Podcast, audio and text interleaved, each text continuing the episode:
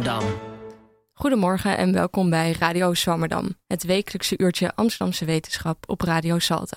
Mijn naam is Josta Bosma en de uitzending van vandaag gaat over de beweging die wij maken en hoe wij die bewegingen aansturen.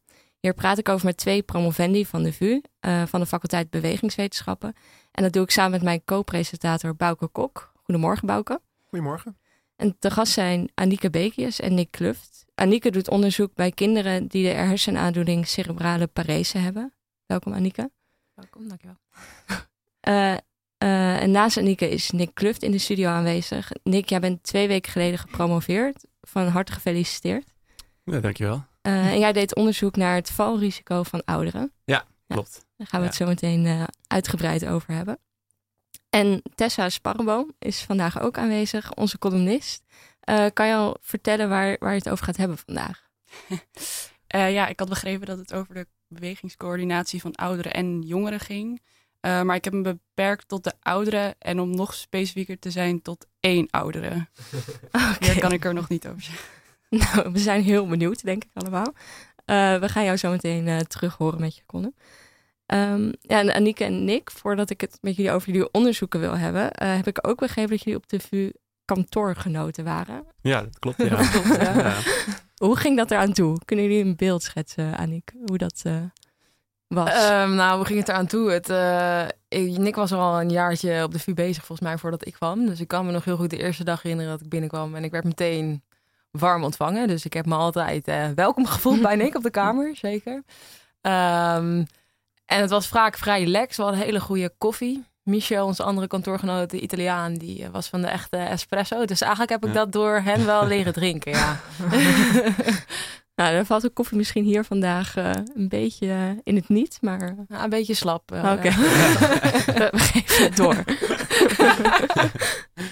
Uh, nou, dan gaan we het nu uh, over... Nou ja, koffie is ook een serieuze zaak, maar over jullie onderzoek hebben. En we hebben het dus vandaag over kinderen en ouderen.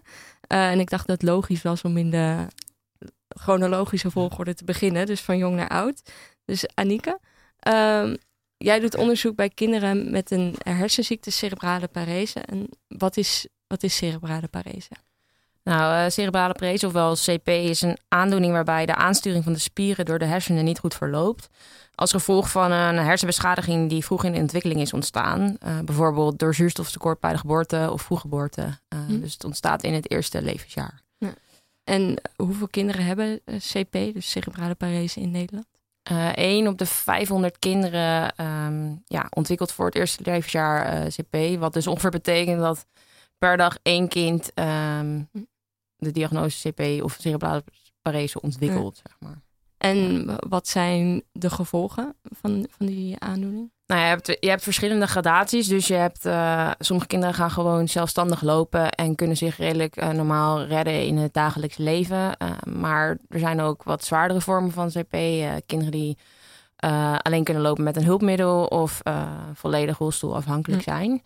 Um, en de meest voorkomende vorm is de spastische vorm. Dat is ongeveer 70% van de kinderen uh, heeft deze vorm. En dit is voornamelijk dat de spieren heel stijf zijn. Dus dat het uh, heel moeilijk is om te bewegen. Uh, en een kleinere vorm is de dyskinetische of de ataxische vorm. En dyskinetisch is meer ongecontroleerde bewegingen. Dat is ongeveer 6% van de kinderen heeft die vorm.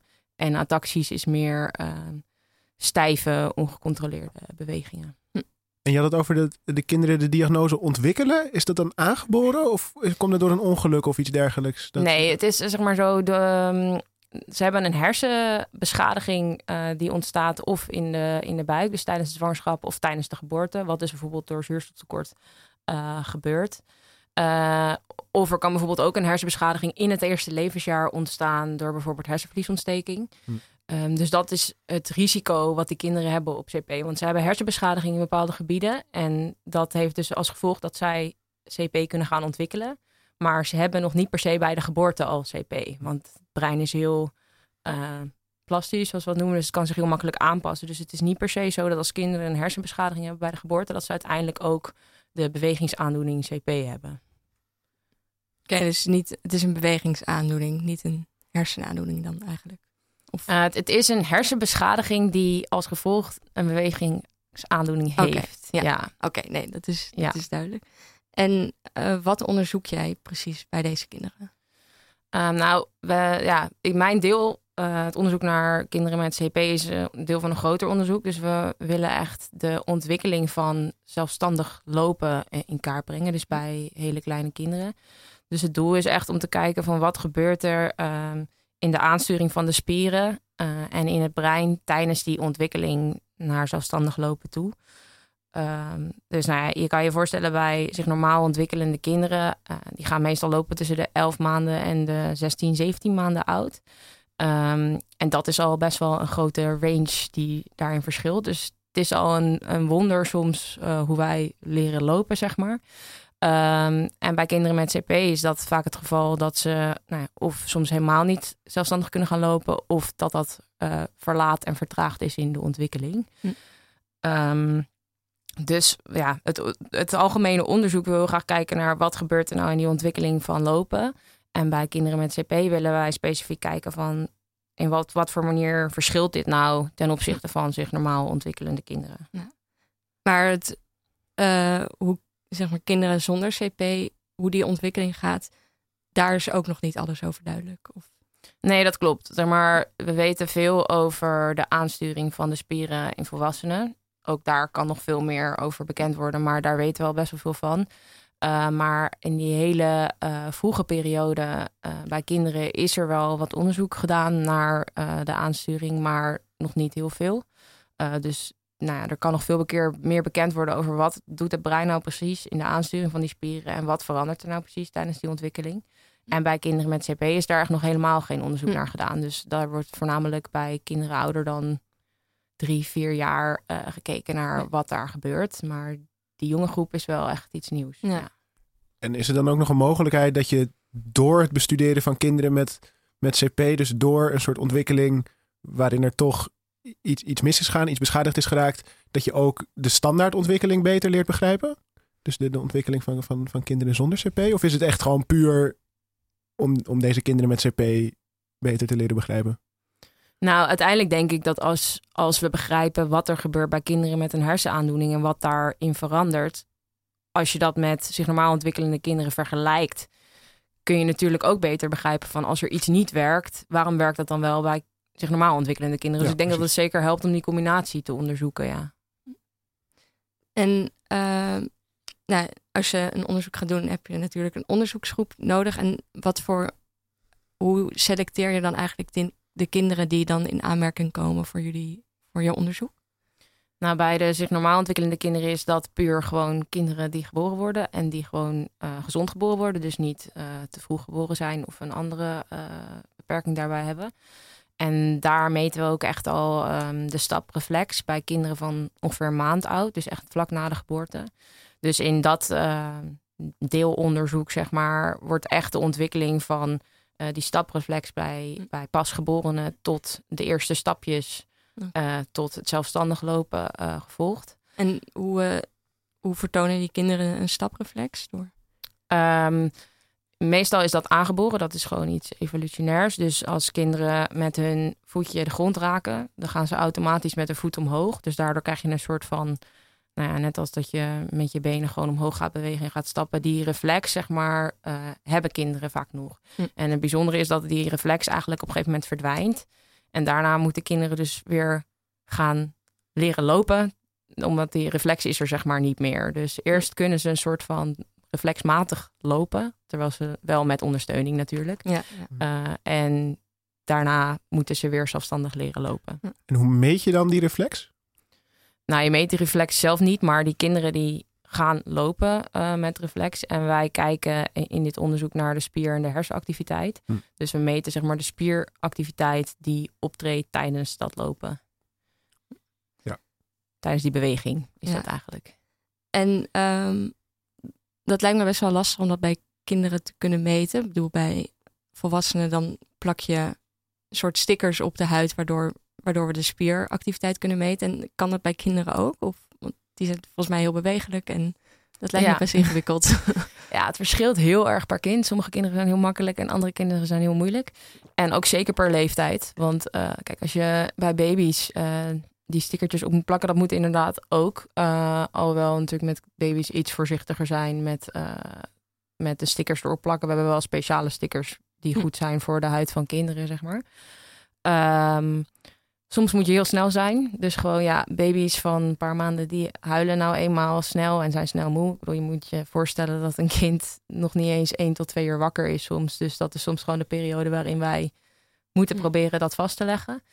Uh, bij de iets oudere kinderen is het gewoon echt puur uh, afleiding en er een spelletje van maken en, en, het, en het leuk maken voor het kind om het te doen.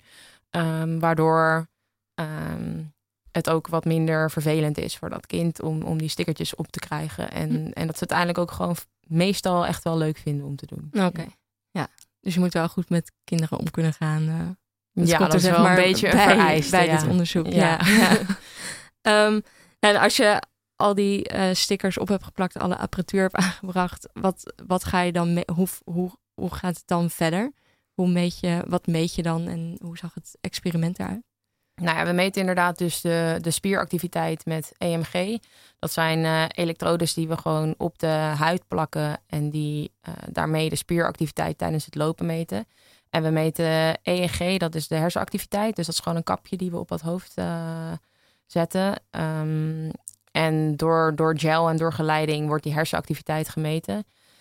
En tijdens zo'n meting, nou, het is wel, we hebben echt uh, vijf computers volgens mij in zo'n ruimte. En het is best wel ingenieus, want alles moet natuurlijk tegelijkertijd gemeten worden. Um, terwijl het kind heen en weer loopt. En nou ja, wat je net al zei, kinderen doen niet altijd wat je wil dat ze doen.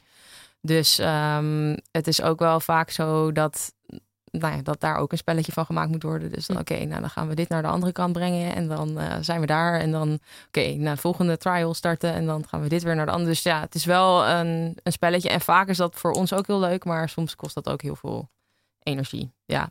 ja. Dus, uh, maar ja, dat is de manier waarop we het meestal doen. Ja.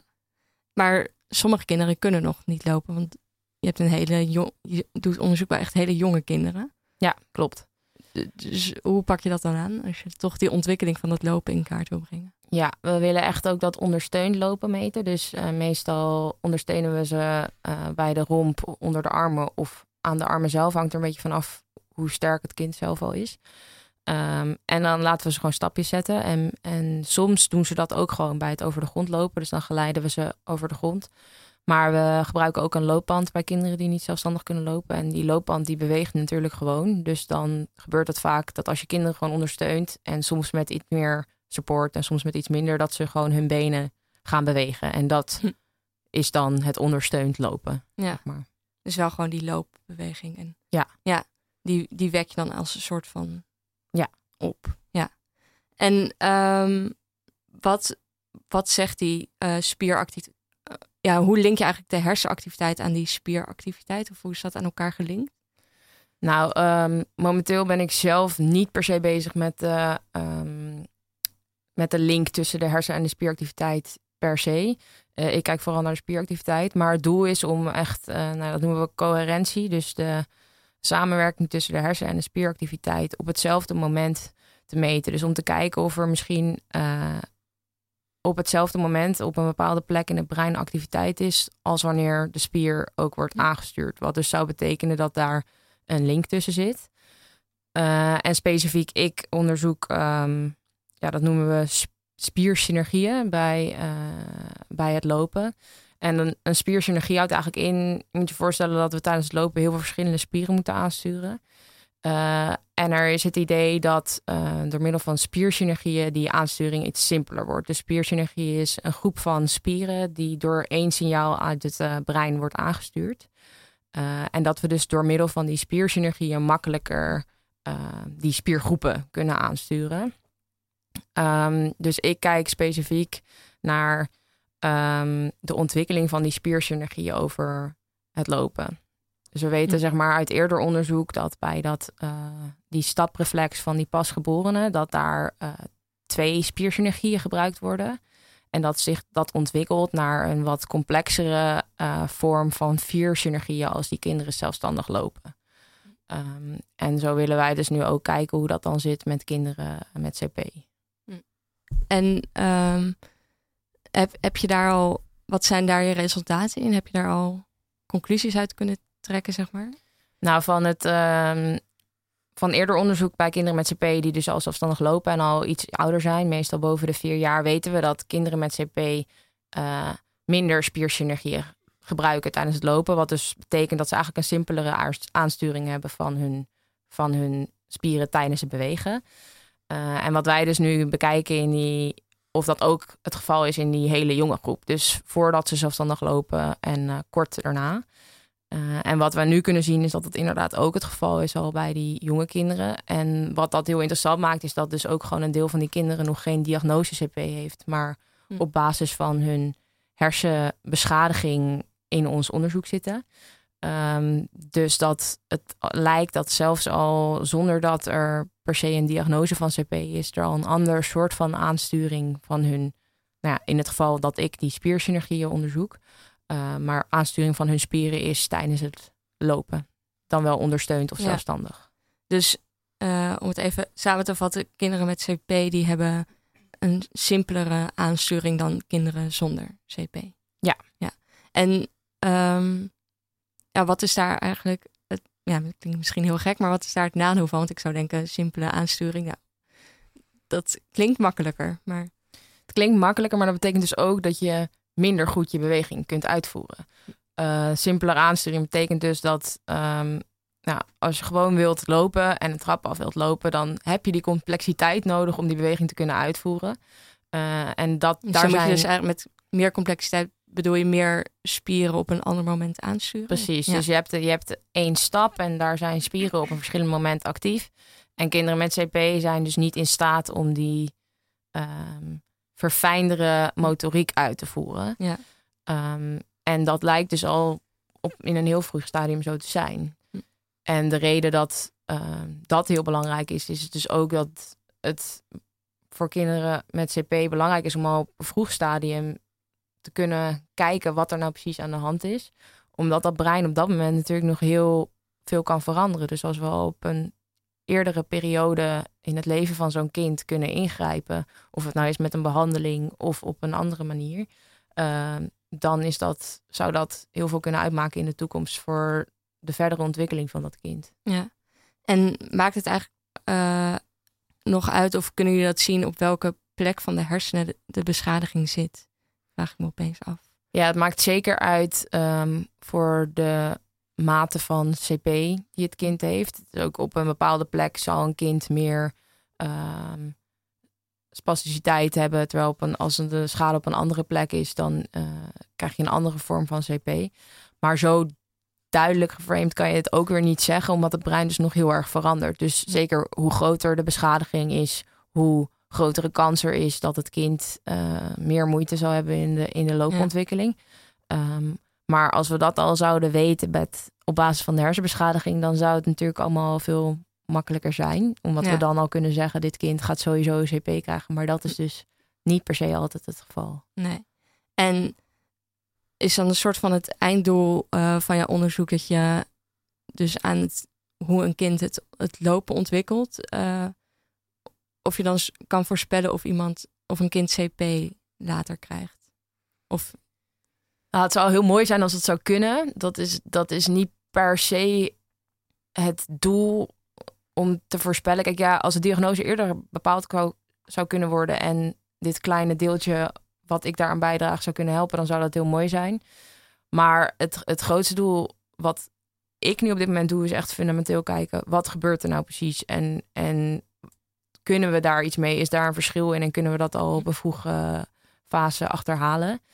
En wat er in ons uh, onderzoeksproject ook gedaan wordt, is kijken naar: um, is er misschien bij deze kinderen uh, een effect van behandeling op deze synergieën? Dus als kinderen um, een behandeling krijgen al in een vroege periode, kunnen we daar iets ook van detecteren um, in die aansturing? Of is dat, gaat dat toch op een andere manier? Ja. En wat voor behandelingen zijn dat dan? Nou, je kan al denken aan gewoon normale fysiotherapie, dat is al een behandeling. Uh, botoxbehandeling bijvoorbeeld, dat is de verslapping uh, van de spieren. Okay. Of uh, verschillende. Hoe, hoe zit, want botox. Ja.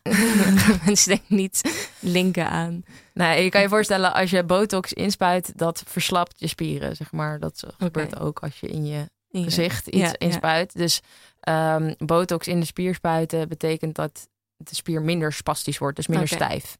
Dus bij kinderen die eh spastische vorm van CP hebben, wordt vaak botoxbehandeling gedaan, zodat ze weer iets makkelijker kunnen lopen, bijvoorbeeld omdat hun spier dan Hm. minder stijf Ja. is. Maar die, dat werkt op een gegeven moment uit. Ja. Dus dat, dat duurt volgens mij ongeveer zes maanden voordat er dan weer een nieuwe injectie gedaan Ja. moet worden. Dus dat is dan eigenlijk een soort van. ehm, ik even denken hoe je dit moet vorderen. Want vanuit de hersenen worden eigenlijk een soort van te veel spieren tegelijkertijd aangestuurd.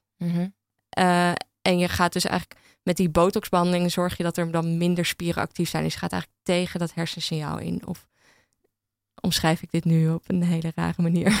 Ehm, nou, ik ben ook niet de expert in hoe botox precies werkt. maar ehm, het idee is zeg maar dat, dat er een constante reflexmatige spanning is van die, van die spieren, die spasticiteit. En met die botox kan je dus inderdaad dat die constante reflexsignalen Ja. wat. Verminderen. Ja, want je kan niet de signalen uit de hersenen aanpassen. Nee, Dat- nee, oké. Dus je moet het op een andere manier. tenminste, dat Moet je kunnen de we nog niet. Nee, nee, oké. ja.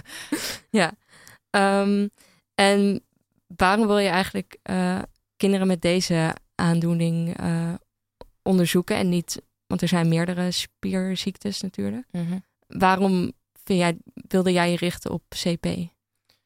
Nou, we- wetenschappelijk gezien denk ik dat het voornamelijk het feit is dat het ook echt een hersenbeschadiging is, dat dat de oorzaak ervan is. Je hebt bijvoorbeeld ook andere genetische aandoeningen, maar die komen niet direct vanuit het brein. Eh, deels ook omdat het niet, het is niet progressief, zeg maar. Dus de hersenbeschadiging is er. En natuurlijk door de ontwikkeling van een lichaam kan, kan het zich ehm, zwaarder gaan ontwikkelen. Dat mensen moeilijker gaan lopen bijvoorbeeld. Maar de hersenbeschadiging zal niet uitbreiden. Dus het idee dat je er ook echt nog wat aan kan doen, Hm. zit er ook wel. Ehm, en ja, ik vind het gewoon heel interessant om te kijken naar wat is nou de relatie tussen die hersenbeschadiging bij hele jonge kinderen en hoe gaat dit zich nou ontwikkelen in een bewegingsaandoening, zeg maar. Dus ik ben van origine neurowetenschapper, Ehm, maar die beweging vind ik ook echt heel intrigerend. Dus bij die kinderen ehm, met CP, hoe dit zich dan kan ontwikkelen tot een bewegingsaandoening, vind ik heel interessant. En ehm, over wat voor tijdspannen eh, volg je die kinderen? Want een ontwikkeling, nou, dat kan heel ruim zijn natuurlijk. Ja, ja klopt. Nee, ehm, in principe twee jaar. En in die twee jaar volgen we ze vijf keer. En bij de zich normaal ontwikkelende kinderen is dat wat meer straightforward, omdat die gaan sowieso voor de twee jaar leren lopen. Dus die kan je ook echt volgen van ondersteund tot eerste stapjes. Die eerste stapjes meten we echt binnen twee weken nadat ze hun echte eerste stapjes hebben gezet. Dus die ouders contacten ons dan. Ehm, en vervolgens daarna het eh, zelfstandig lopen. Hm. Bij kinderen met CP is dat iets ingewikkelder. Sowieso weten we natuurlijk niet zeker of zo'n kind ook echt CP gaat ontwikkelen als we die includeren. Dus als we een kind van acht maanden includeren op basis van een risico op CP, omdat ze een hersenbeschadiging hebben, betekent dat niet per se dat zij of überhaupt zelfstandig gaan lopen, want we weten niet hoe zware, ehm, ont- hoe sterk de ontwikkeling ehm, achter, achterblijft, zeg maar. Ja. Of we weten ook niet of ze misschien gewoon normaal gaan ontwikkelen ehm, en gewoon zelfstandig gaan lopen, maar niet de diagnose CP krijgen. Ja, en je bent dus ook, als je die kinderen zo lang volgt, lijkt me dat je ook best wel betrokken bent bij die kinderen. En je ziet ook best wel zieke kinderen, of, of niet? Ja, deels. Ja. ja. En hoe is dat dan? Om, ik bedoel, je hebt je onderzoek, maar dit dat is volgens mij lijkt me ook heel emotioneel als je die kinderen zo nauwgezet volgt. Ja, in het begin denk ik wel dat ik daar wel soms, dan is het wel lastig. Dan krijg je gewoon een kind van acht maanden die nog niet eh, zelfstandig kan zitten. Of bijvoorbeeld gewoon het eigen hoofd nog niet helemaal recht kan houden. Dat is soms wel lastig om te zien. Maar eigenlijk wat daar meteen achteraan komt, is dat die kinderen gewoon ook maar kinderen zijn. En eigenlijk nog steeds de grootste lol kunnen hebben in alles wat ze doen daar. Ja. Eh, zo heb ik één voorbeeld van een meisje, daar hadden we vorige week de laatste meting mee. Die is nu 4,5. Die volgen we al twee jaar. Die loopt niet zelfstandig. Uh, maar die is vanaf het begin, vindt ze het zo leuk. En die loopt in een loopwagentje en zegt, uh, ik vind het leuk. Dus zeg maar, soms krijg je wel veel terug van die energie van die kinderen. Dat ze dat ook gewoon leuk vinden om daar mee te doen. Dat is de ene kant. Maar aan de andere kant heb je natuurlijk soms ook gewoon kinderen die weer in een ziekenhuis komen nadat ze er al zo vaak zijn geweest. En Ja. daar gewoon Ja. dat helemaal niet fijn vinden. En ja, dat is soms wel lastig ook om mee om te gaan. Ja. Ik denk, ja, waarom laat ik ze in godsnaam meedoen aan dit onderzoek? Ik bedoel, laat ze gewoon lekker thuis zitten en uitrusten. Maar uiteindelijk, ehm, ja, doe je het wel voor het grotere doel aan het einde. Ja. ja. Ja. En, en hoe reageren de ouders? Want daar heb je natuurlijk dan ook nauw contact mee. Ja, eh, nou ja, we sowieso bellen we die ouders ehm, voor de inclusie van die kinderen, zeg maar. Dus we hebben contact met het, eh, met het ziekenhuis en ouders die dus eh, een kind hebben gekregen waarbij het bij de geboorte niet helemaal goed is gegaan, die zijn dan ehm, eh, staan dan op de lijst, zeg maar, zodat ze eventueel mee kunnen doen aan het onderzoek. Eh, dus nou, het gebeurde wel vaak dat ik gewoon belde en dat die ouders zeiden, nou, ik vind het heel goed dat jullie dit onderzoek doen, want ze willen natuurlijk wel dat kinderen die in de toekomst hetzelfde hebben als hun eigen kinderen, misschien dat daar eh, iets beters voor is. Ehm, maar er zijn ook wel ouders die zeggen, ja, maar we vinden het gewoon te veel in deze periode, want we moeten al naar zoveel ziekenhuisbezoeken. Eh, wat natuurlijk volledig terecht is en wat ook heel begrijpelijk is. Maar er zijn ook veel ouders die zeggen, nou, we vinden het echt belangrijk en we gaan meedoen. Dus de voornaamste reden dat zij meedoen is echt dat ze het belangrijk vinden dat er wetenschappelijk onderzoek gedaan wordt. Ehm, en ja, belangrijkste, ik ben natuurlijk geen arts, dus ik kan ouders niet vertellen hoe het gaat met hun kind. Dat, ja, dat is nou eenmaal niet Ja. wat ik kan. Maar wat je wel kan doen, is gewoon vertellen wat wij doen en vragen hoe het met de kinderen gaat. En, en gewoon eigenlijk normaal contact hebben met die ouders. En vaak vinden ze het gewoon mooi om te zien wat we allemaal doen. Nou, dat, dat klinkt heel mooi en ook nobel ook om zo'n onderzoek dan eigenlijk te doen. Zo voelt het ook wel. Ja, ja, Alhoewel ik soms ook wel het gevoel heb van, ja, waarom doen we dus dit die kinderen aan? Dat is ook wel een gevoel wat er zit, natuurlijk. Ehm, eh, maar ja, dat is, daar, daar kan je niet echt omheen. Nee, en je bent nu je onderzoek aan het afronden. Eh, je bent met de laatste loodjes bezig, toch? Voor mijn eigen deel van het onderzoek wel, Ja, ja. ja. Het onderzoek loopt verder nog steeds gewoon door. Ja. Dus, eh, En hoe vind je dat, dat je nu die kinderen... ehm, ja, nu niet meer zo... Je bent zo betrokken geweest. En ja, dat is wel jammer. ja, Ja, het is wel, ik eh, vind, vond dat een heel leuk deel van het onderzoek. Dus het feit dat ik dat nu niet meer doe, is wel jammer. Alhoewel, ja, er zijn weer nieuwe mensen op het project die dat Ja. hartstikke goed overnemen. Dus eh, dat, dat gaat prima. En ik zie, heb af en toe echt nog wel eens contact met die eh, ja, ouders of kinderen. Maar ehm, ja, dat is wel een heel leuk deel van het onderzoek wat ik soms wel mis. Ja. ja. En hoe ziet de, de toekomst er nu uit? Wat, wil je betrokken blijven bij dit soort projecten? Of? Ja, dat vind ik wel een lastige vraag. Ehm, ja, sowieso het onderzoek en zeker het onderzoek met CP heeft me wel heel erg eh, gegrepen of zo. Hoe je het, ja, hoe je Mhm. het ook wil noemen. Dus ehm, ja, ik zie mezelf zeker in de toekomst nog wel iets vergelijkbaars doen. Ehm, dus dat zeker. Maar ja, ik bekijk het om eerlijk te zijn nu ook een beetje van dag tot dag. Dus ik ben nog niet heel erg bezig met wat ik over een jaar Ja. doe. Ehm, maar zeker is dit wel iets wat ik eh, mezelf in de toekomst wel ook Hm. weer zie doen. Ja. Nou, eh dankjewel. Ik vond het gedaan. mooi om te horen hoe je ook zo, hoe je zo betrokken bent bij... eh, dat je niet alleen je onderzoek uitvoert, maar ook echt zo betrokken bent bij de kinderen. Het is heel mooi om te horen. Ehm, ja, en dan gaan we nu over naar de column van vandaag.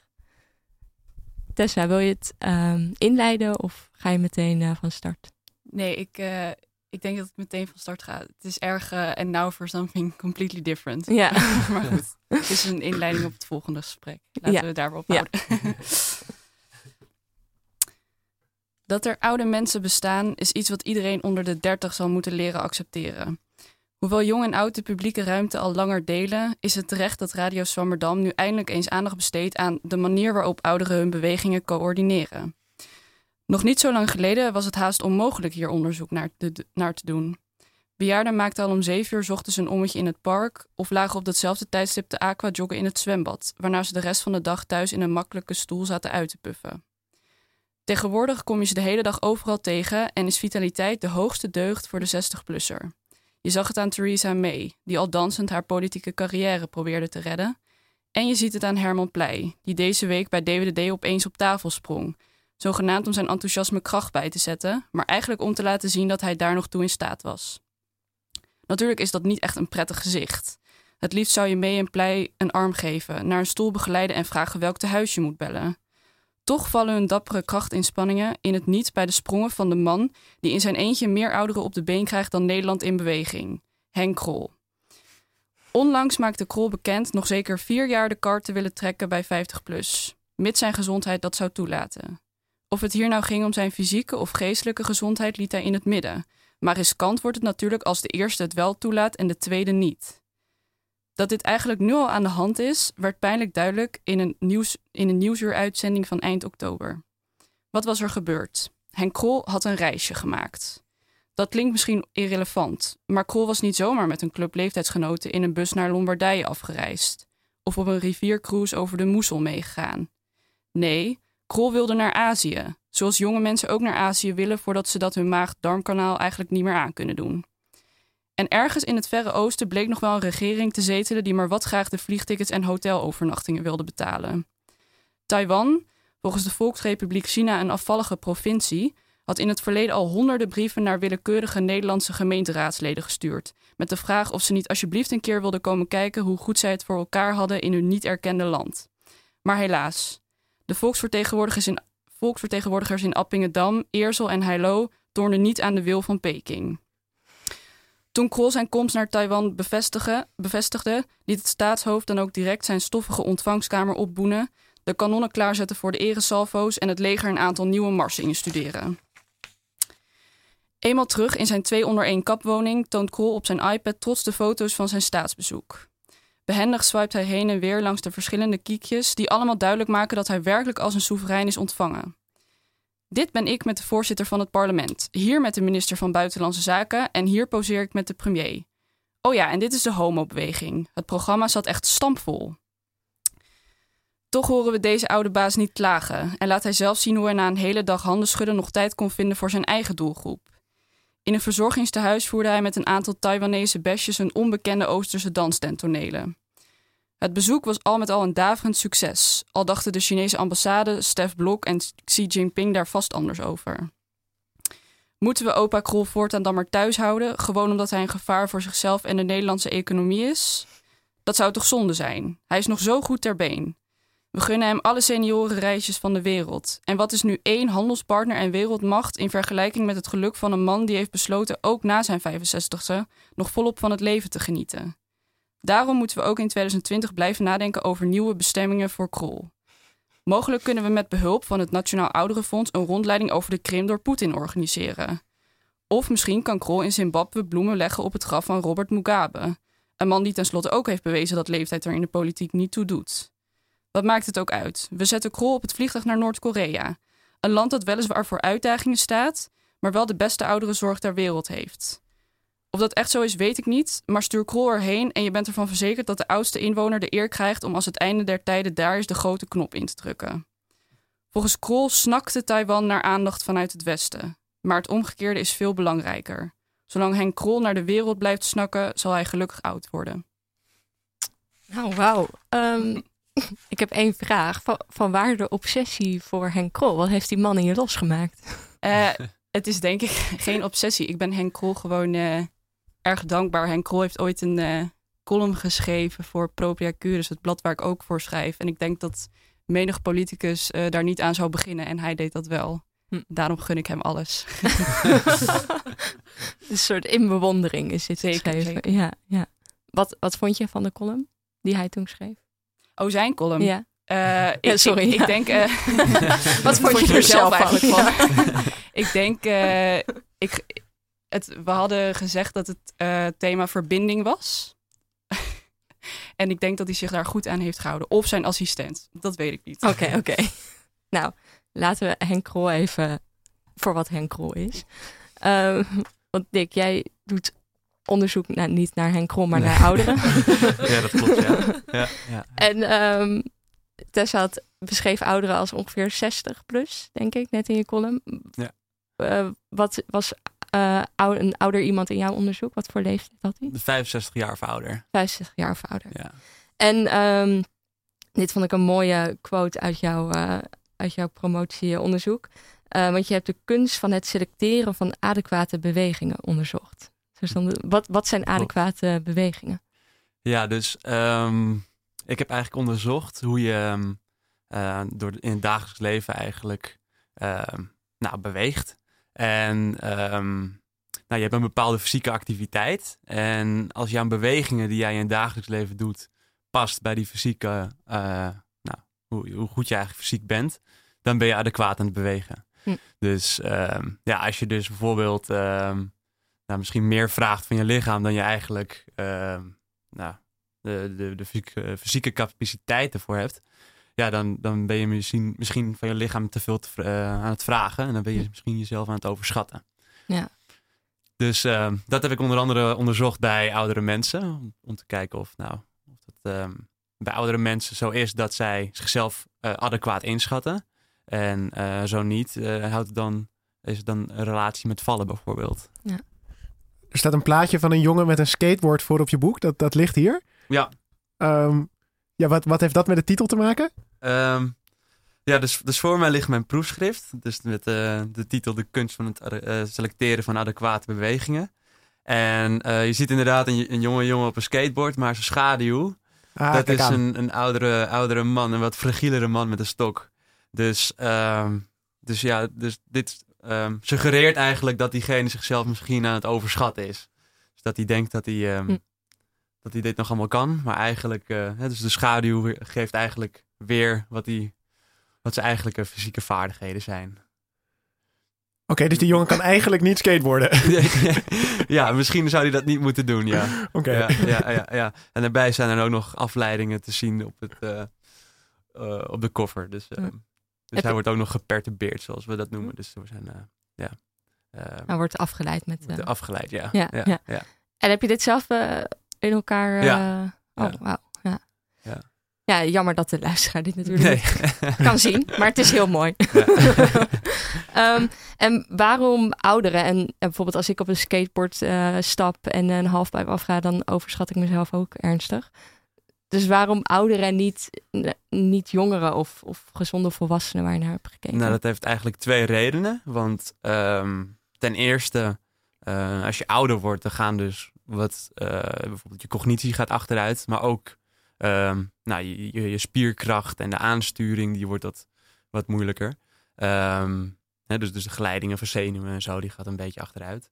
Dat gaat en- langzamer dan op zo. Ja, en ehm, nou, dus, dus dat, eh, die combinatie dit kan ervoor zorgen dat het, dat het moeilijker wordt om je, je, nou, je bewegingen te selecteren of de juiste, juiste bewegingen te maken.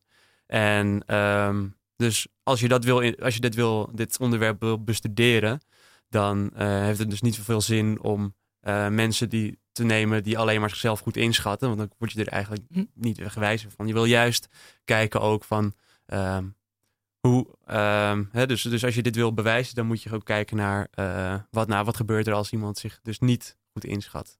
Dus dan, Ja. daarvoor hebben wij gekozen om, eh, om dit te bekijken bij oudere mensen. En daarbij is het natuurlijk ook zo dat oudere mensen ook vaker broze botten hebben.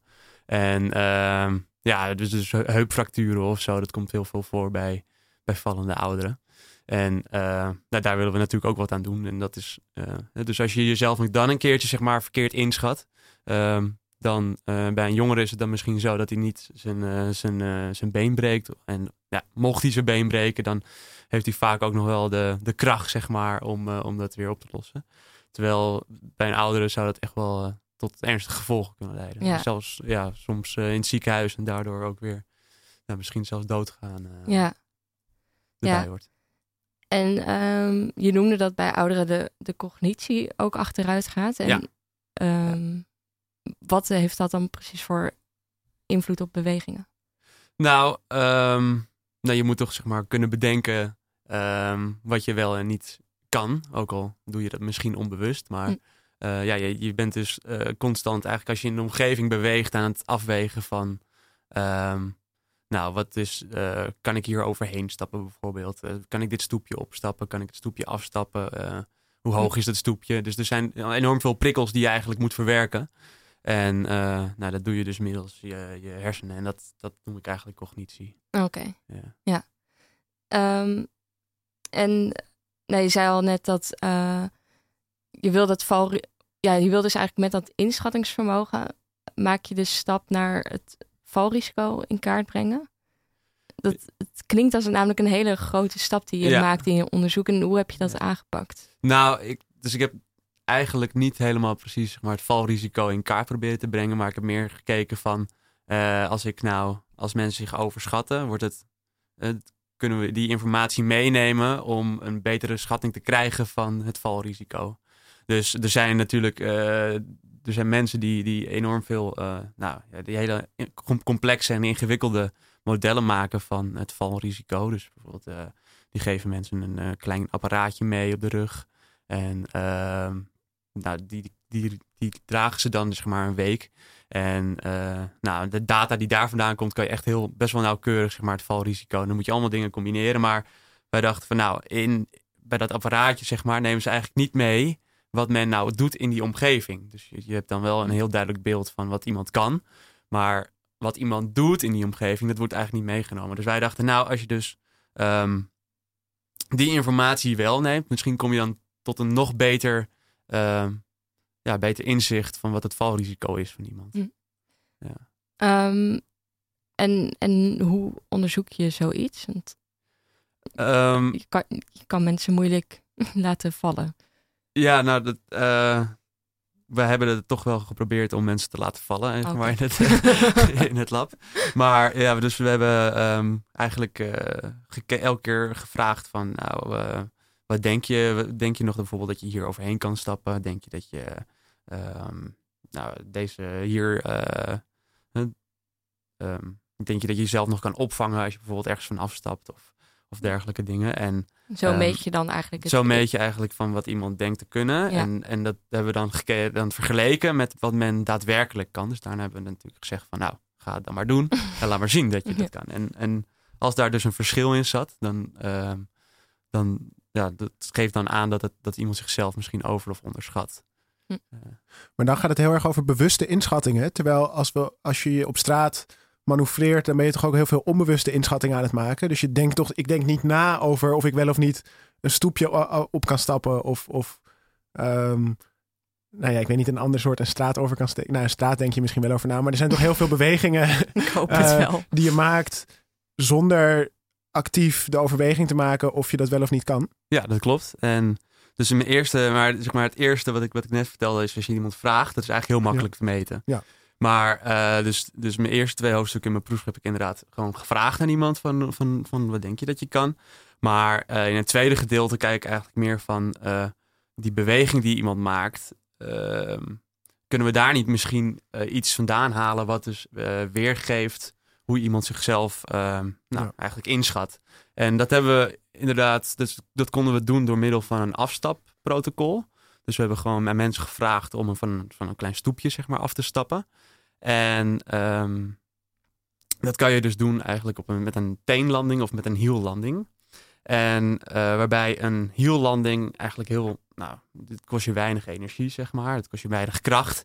Maar tegelijkertijd ehm, heb je wel iets meer balanscontrole nodig. Dus het is een wat een meer risicovollere strategie dan bijvoorbeeld een teenlanding.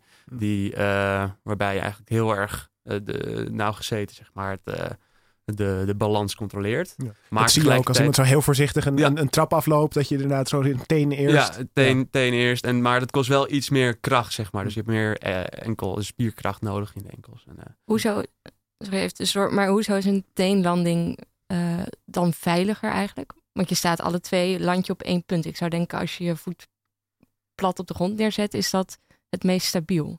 Of het veiligste. Maar dat doen mensen dus niet. Nee, nee, mensen stappen echt eh, af op een, op een hiel of een teenlanding. Hm. En ehm, ja, ja, we zien dus eh, bijvoorbeeld als je mensen op een hoogte zet of zoiets dergelijks. Dus dan wa- waardoor ze zeg maar, bang worden en dus inderdaad echt veiliger moeten bewegen. Dat ze dan echt meer teenlandingen gaan doen. Dus ze Hm. willen echt veiliger bewegen. En, en dat zien we eigenlijk ook. Dus als je de biomechanica eigenlijk bekijkt, dan is het een, een veilige strategie. Dus, Hm. eh, dus je hebt iets minder snelheidsvoorwaarts. eh die je uit balans kan brengen Hm. dan, eh, dan bij een hiellanding. En bij, een- bij een hiellanding heb je gewoon wat meer. Dus je krijgt de, de. Als je van een, van een hoogte afstapt, dan krijg je potentiële energie die kinetische energie wordt. Dus de- het is, je krijgt zeg maar snelheid mee. En ehm, ja, dat zou je uit balans kunnen brengen. En dat heb je niet bij een teenlanding. Maar om nog even terug te komen dan op het punt waarom het inschatting is. Hm. Dus de manier waarop je, in, waarop je afstapt, dat gaat je dus inzichten geven in ehm, hè, hoe, hoe risicovol iemand wil bewegen. Dus kan, ja. En vervolgens hebben we dan gekeken hoe iemands opvangreactie is na een, ehm, na een val eigenlijk. En dat hebben we met elkaar vergeleken. Van, hè, dus, dus als jij eh, valt, dan wil je eigenlijk zorgen dat je niet de grond, zeg maar, op de grond valt. Dus eh, je gaat echt je uiterste best doen om dat te voorkomen. Dus daarin laat je eigenlijk je maximale capaciteit eigenlijk zien. En dat hebben we dan vergeleken met het, hoe men afstapt. En eh, dat geeft dus inzichten in, uh, in hoe men zichzelf inschat. En, ja. en dan heel onbewust. Ja. Dus, Hm. ja.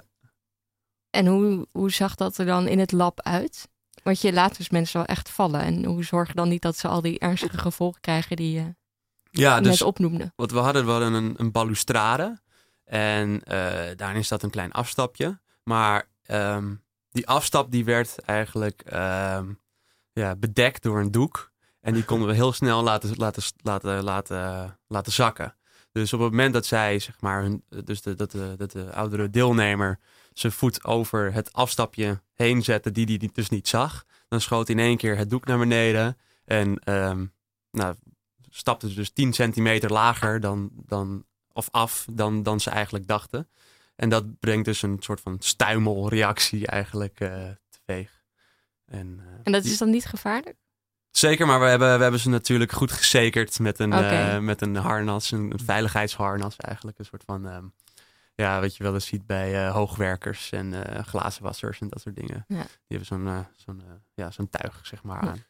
En heb je dan niet een soort selectie-effect in je proefpersonen dat je alleen maar ouderen bereid krijgt om hier aan mee te doen die al goed ter been zijn en die zelfverzekerd zijn en die zich, die zich fit voelen? Want ik kan me voorstellen dat je als heel fragiele ouderen en een beetje angstige ouderen niet zo snel te porren bent voor zo'n soort onderzoek. Ja, ja nee, het is, het is ook zelfs zo dat wij niet, niet de fragiele mensen mogen meten, omdat die Hm. toch echt wel eh, eh, ja, kans hebben om, eh, om daardoor zeg maar, problemen te ontwikkelen. Maar eh, dat is wel een, een, een limitatie van, van dit soort onderzoek. Hm. Ja. Eh, je, ja, je zit er gewoon mee dat je echt gezonde en fitte ouderen moet, moet meten. En dat er, er Ja. weinig problemen met deze ouders zijn. Dus echt inzichten in de, de fragiele mensen, die, dat, dat, dat hebben we eigenlijk nog niet zo erg. Ehm, maar ja, je moet ergens beginnen. En, Ja. en ik denk dat, dat, dat je hiermee, eh, ja, als je, als je dit op, kan laten zien bij een groep gezonde ouderen, dat, dat er inderdaad, hè, dat, is die, dat die gedachtegoed waar is, die wij, eh, waarvan wij dachten dat, dat dat zo waar is, dan, ehm, ja, dan zou je dat daarna kunnen, kunnen toepassen en kunnen, kunnen, kunnen ja, onderzoeken bij wat fragielere mensen. Ja. ja. Ehm, ja, en wat was eigenlijk de reactie als jij... Ik stel me voor als ik een ouder persoon ben en ik word opeens eh, aan het struikelen gebracht of aan het vallen gebracht. Hoe reageren die mensen daarop?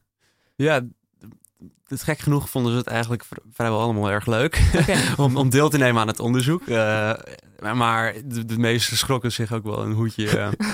ja, de, ja het- ik heb een grappig filmpje die, van een vrouw die, die eigenlijk eh, afstapt en nou best wel eigenlijk schrok van, van, het, van, het, van het feit dat, dat het doek in één keer naar beneden gaat. Ging met een beste knal. Want het moest heel snel gebeuren, dus er komt ook heel, heel veel geluid, zeg maar, eh, vrij. en eh, die, die schrok. En, eh, maar daarna ja, was ze eigenlijk, dus, dus die hield zichzelf goed staande. En daar was ze eigenlijk heel erg blij mee. Dus het gaf ook voor haar inzichten in hoe ze, hoe ze het had gedaan. En ze begon eigenlijk daarna ook vrij snel ook te lachen. Van, yeah, ik heb het goed gedaan. En, en ja. ik ben wel trots, zeg maar. Nou ja. Maar ja, terwijl bij anderen misschien dat wat minder, Ja. minder was. Maar ik, ik denk dat het eh, de algehele tendens was dat ze wel vrij, eh, dat ze vrij leuk Ja. vonden eigenlijk. Ja, gek genoeg. En, en wat heb je gevonden? Wat, wat maakt dat de ene persoon wel valt en de ander niet? Is daar een heel duidelijk antwoord op gegeven? Nou, er zijn natuurlijk hele duidelijke signalen. Dus als je echt eh, geen spierkracht meer hebt, of dat je de, de, de eh, spierkwaliteit eigenlijk zo naar achter, zeg maar zo slecht is, ja, dan heb je een heel groot valrisico. En er zijn hè, dus mensen die, die hebben ook eh, krijgen ontwikkelen staar of zoiets dergelijks, of gehoorproblemen. Nou, dat draagt allemaal eigenlijk bij aan het valrisico. Ehm, maar daarnaast ja, zien wij dat, dat, eh, dat mensen ehm, die eigenlijk dezelfde fysieke vaardigheden hebben. Dus, dus als, je ze, als ik ze meet met al die nou, gewikkelde apparatuur die ik heb. Ingewikkeldere apparatuur die ik heb, dan, dan zie ik eigenlijk dat ze dezelfde fysieke vaardigheden hebben. Maar dat ze toch zichzelf allebei heel erg eh, verschillend inschatten. Dus dat is een teken dat, dat een van die twee eigenlijk zichzelf niet goed inschat. Dan ja, dus vooral overschatten of ja, want onderschatten kan natuurlijk ook. onderschatten zou ook kunnen, ja. Ja. Ja, ja, maar ja, het is heel moeilijk om, eh, om echt daadwerkelijk te zeggen van... eh, nou, j- jij maakt nu een goede inschatting of niet. Eh, Hm. Dat, dat, ja, dat, dat is echt vrij lastig om, om iemand echt ehm, eh, te identificeren als overschatter of, of, of, of, eh, of onderschatter. Ehm, dit- we zien dat bijvoorbeeld dat er, dat als je verschillende taken eigenlijk aanbiedt en je gaat elke keer vragen van nou, ben jij een, een overschatter of onderschatter, dan zien we eigenlijk dat, ehm, dat er verschillende taken zijn. Dus bij de ene taak ben je misschien een overschatter en de andere ben je een onderschatter. En dat dit, eh, dat er dus, dus, dus ja, we moeten eigenlijk nadenken van wat is een, een goede taak die, die overeenkomt met de meeste dagelijkse, eh, nou, dagelijkse bezigheden. Eh, waardoor we dus echt goed kunnen weten wat iemand in het dagelijks leven doet. En wat, waarmee het valrisico dus in verband zou... eh, En nou, als je dan eenmaal dat valrisico, eh, en dat heb je dus nog niet helemaal kunnen bepalen. Nou, wat ik wel heb geprobeerd is dat ik heb gekeken van, nou, er zijn conventionele technieken die men gebruikt in de fysiotherapie. Dus er zijn eh, klinische in- instrumenten eigenlijk die worden gebruikt om het, om het valrisico te bepalen. Ehm, En Wat voor instrumenten zijn dat dan? ja, dat zijn eigenlijk vragenlijsten. Oké. Ehm, dus er wordt een, een, een soort van valangst en, en gekeken van, nou, er wordt gevraagd van, eh, ehm, ben je, ben je, ben je, ehm, eh, ben je bang om te vallen tijdens het lopen op een trap of, of het stappen op ijs of dat soort dingen. En daar geven mensen dan, dan antwoord op. En er zijn natuurlijk een, een, sc- een scala die een fysiotherapeut ja. gebruikt en, en die gebruikt natuurlijk Ja. voor hen de beste methodieken. En eh, nou, ik heb gekeken hoe of mijn methodieken eigenlijk daaraan bij kunnen dragen. Ehm, dus ik heb dat vergeleken met, met, eh, met dus, eh, hoe men dan die afstap eigenlijk doet. En ik zag eigenlijk helaas dat, dat, dat, dat mijn methode ehm, eigenlijk net zo goed was als de conventionele methode. Dus ik, Mm. kon- ik kon daar eigenlijk niet zo goed in bijdragen. Dus, mijn, Mm. dus de, de kennis die, die, je, die je dan hebt van de over- of onderschat- de onderschatting, die droeg eigenlijk niet zo goed bij aan, eh, aan het bepalen van de valrisico. Eigenlijk nou, niet, niet meer dan, dan Hm. wat de conventionele technieken eigenlijk zijn. Oké. Ja. En hoe, nou, hoe vond je dat dan? Dat je, want je hypothese, die, die klopt dan eigenlijk niet. het is nog steeds nou, natuurlijk heel nuttig onderzoek. Maar wat, als je dat dan zo merkt, dat dat dan niet, niet klopt? Wat, Ja, het is moeilijk om te zeggen dat het niet klopt. Ik bedoel, die, die, die, deze theorieën zouden natuurlijk nog, nog steeds eh, toepasbaar zijn. Dus ik heb niet kunnen aantonen dat het niet, dat het er, dat het niet bijdraagt. Ja. Dus ik heb alleen kunnen uit, aantonen dat het, ehm, dat het eh, niet meer bijdraagt dan, eh, dan, dan de conventionele methodes. Maar ik heb niet kunnen laten zien dat het niet bijdraagt. Dus, Nee, dus, ja. dus, dus daar zit zeg maar een Ja, soort van ja. filosofisch eh, verschil zeg maar, in. Ehm, en dus, dus, dus die theorieën, die, die heb ik niet kunnen ontkrachten. Ja, het zou ook mooi zijn als je natuurlijk kon ontkrachten. Dat je kan zeggen van, nou, wij hadden dit idee. En, en samen met mij natuurlijk andere onderzoekers ja. Die, dat, eh, die dat idee ook delen. Nou, dat klopt niet. Dat is natuurlijk ook mooi als je dat kan laten zien. Maar ik heb eigenlijk, een- ja, n- eigenlijk niets gevonden. Dus Ja. dus zowel niet, niet eh, aan de, aan de, zeg maar de neg- negatieve of de positieve kant. Ja. Maar dus het was, we, blijven nog een beetje in het ongewis daarin. Ja, ja. Ja. En hoe gaat, hoe gaat dit onderzoek nu verder? Ehm, nou, een collega van mij die ook met dit onderwerp bezig is, die, ehm, die is aan het kijken hoe het, hoe het ehm, eh, nou, in, in de tijd, zeg maar, eh, verder gaat. Dus als je jezelf overschat het- en je kijkt het dan maandelijks, eh, zie je dan dat mensen zichzelf, dan, dat ze dan anders gaan bewegen of iets dergelijks. Hm. Dus hij volgt ze wel voor een langere tijd. Ja. Ja. En dit is dus een mooi onderdeel van, eh, van dat grotere. Eigenlijk net als bij Anieke, dat het ook jouw, jullie onderzoek eigenlijk de bijdrage aan een groter, groter project. Ja, Ja, Om klopt. Oké. Nou, dan, dan wil ik eh, met deze constatering eh, de uitzending afsluiten, want de tune loopt alweer. Ehm Anieke en Nick, dank jullie wel voor jullie komst op eh, zondagochtend. Ik vond Graag het heel gedaan. interessant om eh, met jullie over jullie onderzoek te praten. Eh, Lianne deed vandaag de techniek, dankjewel. Uh, Bouke was mijn co-presentator, dankjewel voor je interessante aanvullende vragen. Graag gedaan. en uh, Tessa natuurlijk bedankt voor je column over Henk Krol. Graag gedaan. We gaan hem, ik ga anders naar hem kijken. Elke keer kijk ik weer anders naar Henk Krol eigenlijk. Goed, wil je deze afleveringen of andere afleveringen nog eens terugluisteren, dan kan dat via onze website radioswammerdam.nl. En je kunt ons ook vinden op Spotify, Soundcloud, Apple Podcasts of andere podcast-apps. Wil je reageren op deze uitzending, dan kan dat via Facebook, Twitter of stuur een mailtje naar redactie.radiozwammerdam.nl. Je luistert naar Radio Zwammerdam. Mijn naam is Jossa Bosma en ik wens je nog een hele fijne zondag.